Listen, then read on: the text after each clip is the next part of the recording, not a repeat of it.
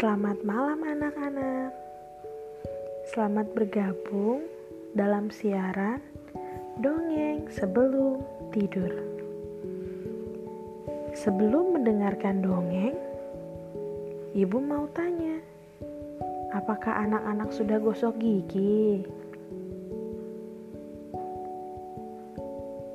Wah, hebat, sudah gosok gigi. Bagi yang belum, jangan lupa untuk gosok gigi ya. Nah, sekarang waktunya kita untuk dongeng sebelum tidur.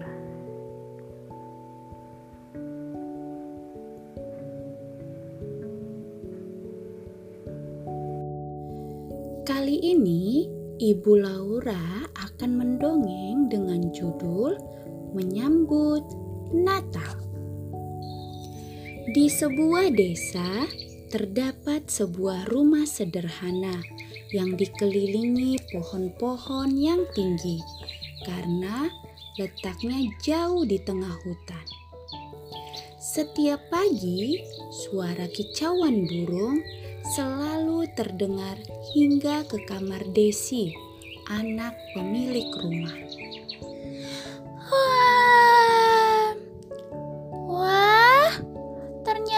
Sudah pagi. Aku harus segera siap-siap.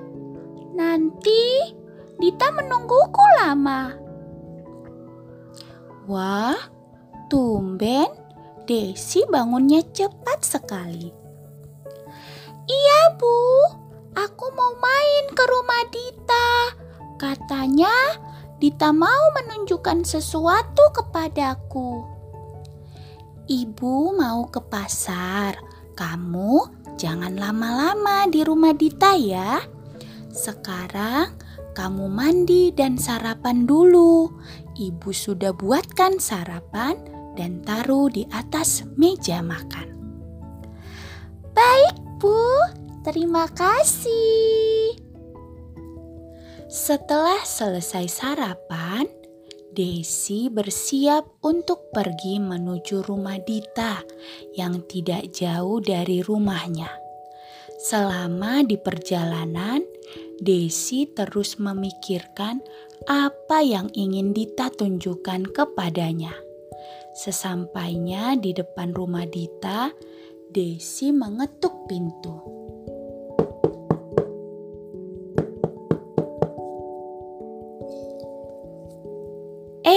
Desi, kamu sudah datang. Iya, Dita. Kan aku sudah janji kalau aku akan datang pagi. Ayo Desi, silakan masuk. Terima kasih, Dita. Kamu ingin menunjukkan apa kepadaku? Kamu penasaran ya? Sebentar ya, aku ambilkan dulu. Iya, Dita. Desi, ini yang mau aku tunjukkan padamu. Sebentar lagi kita kan merayakan Natal. Nah, ini adalah baju Natal yang dibelikan oleh ibuku. Bagus kan? Warnanya merah, berkilau, ditambahkan mahkota untuk hiasan kepala. Aku senang sekali karena akan terlihat seperti seorang putri. Wah, ini bagus sekali, Dita.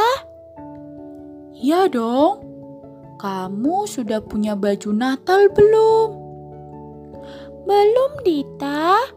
Biasanya aku memakai baju yang ada di lemari, tidak selalu baju baru. Minta dong ke ibu kamu, seperti aku minta pada ibuku kemarin pagi.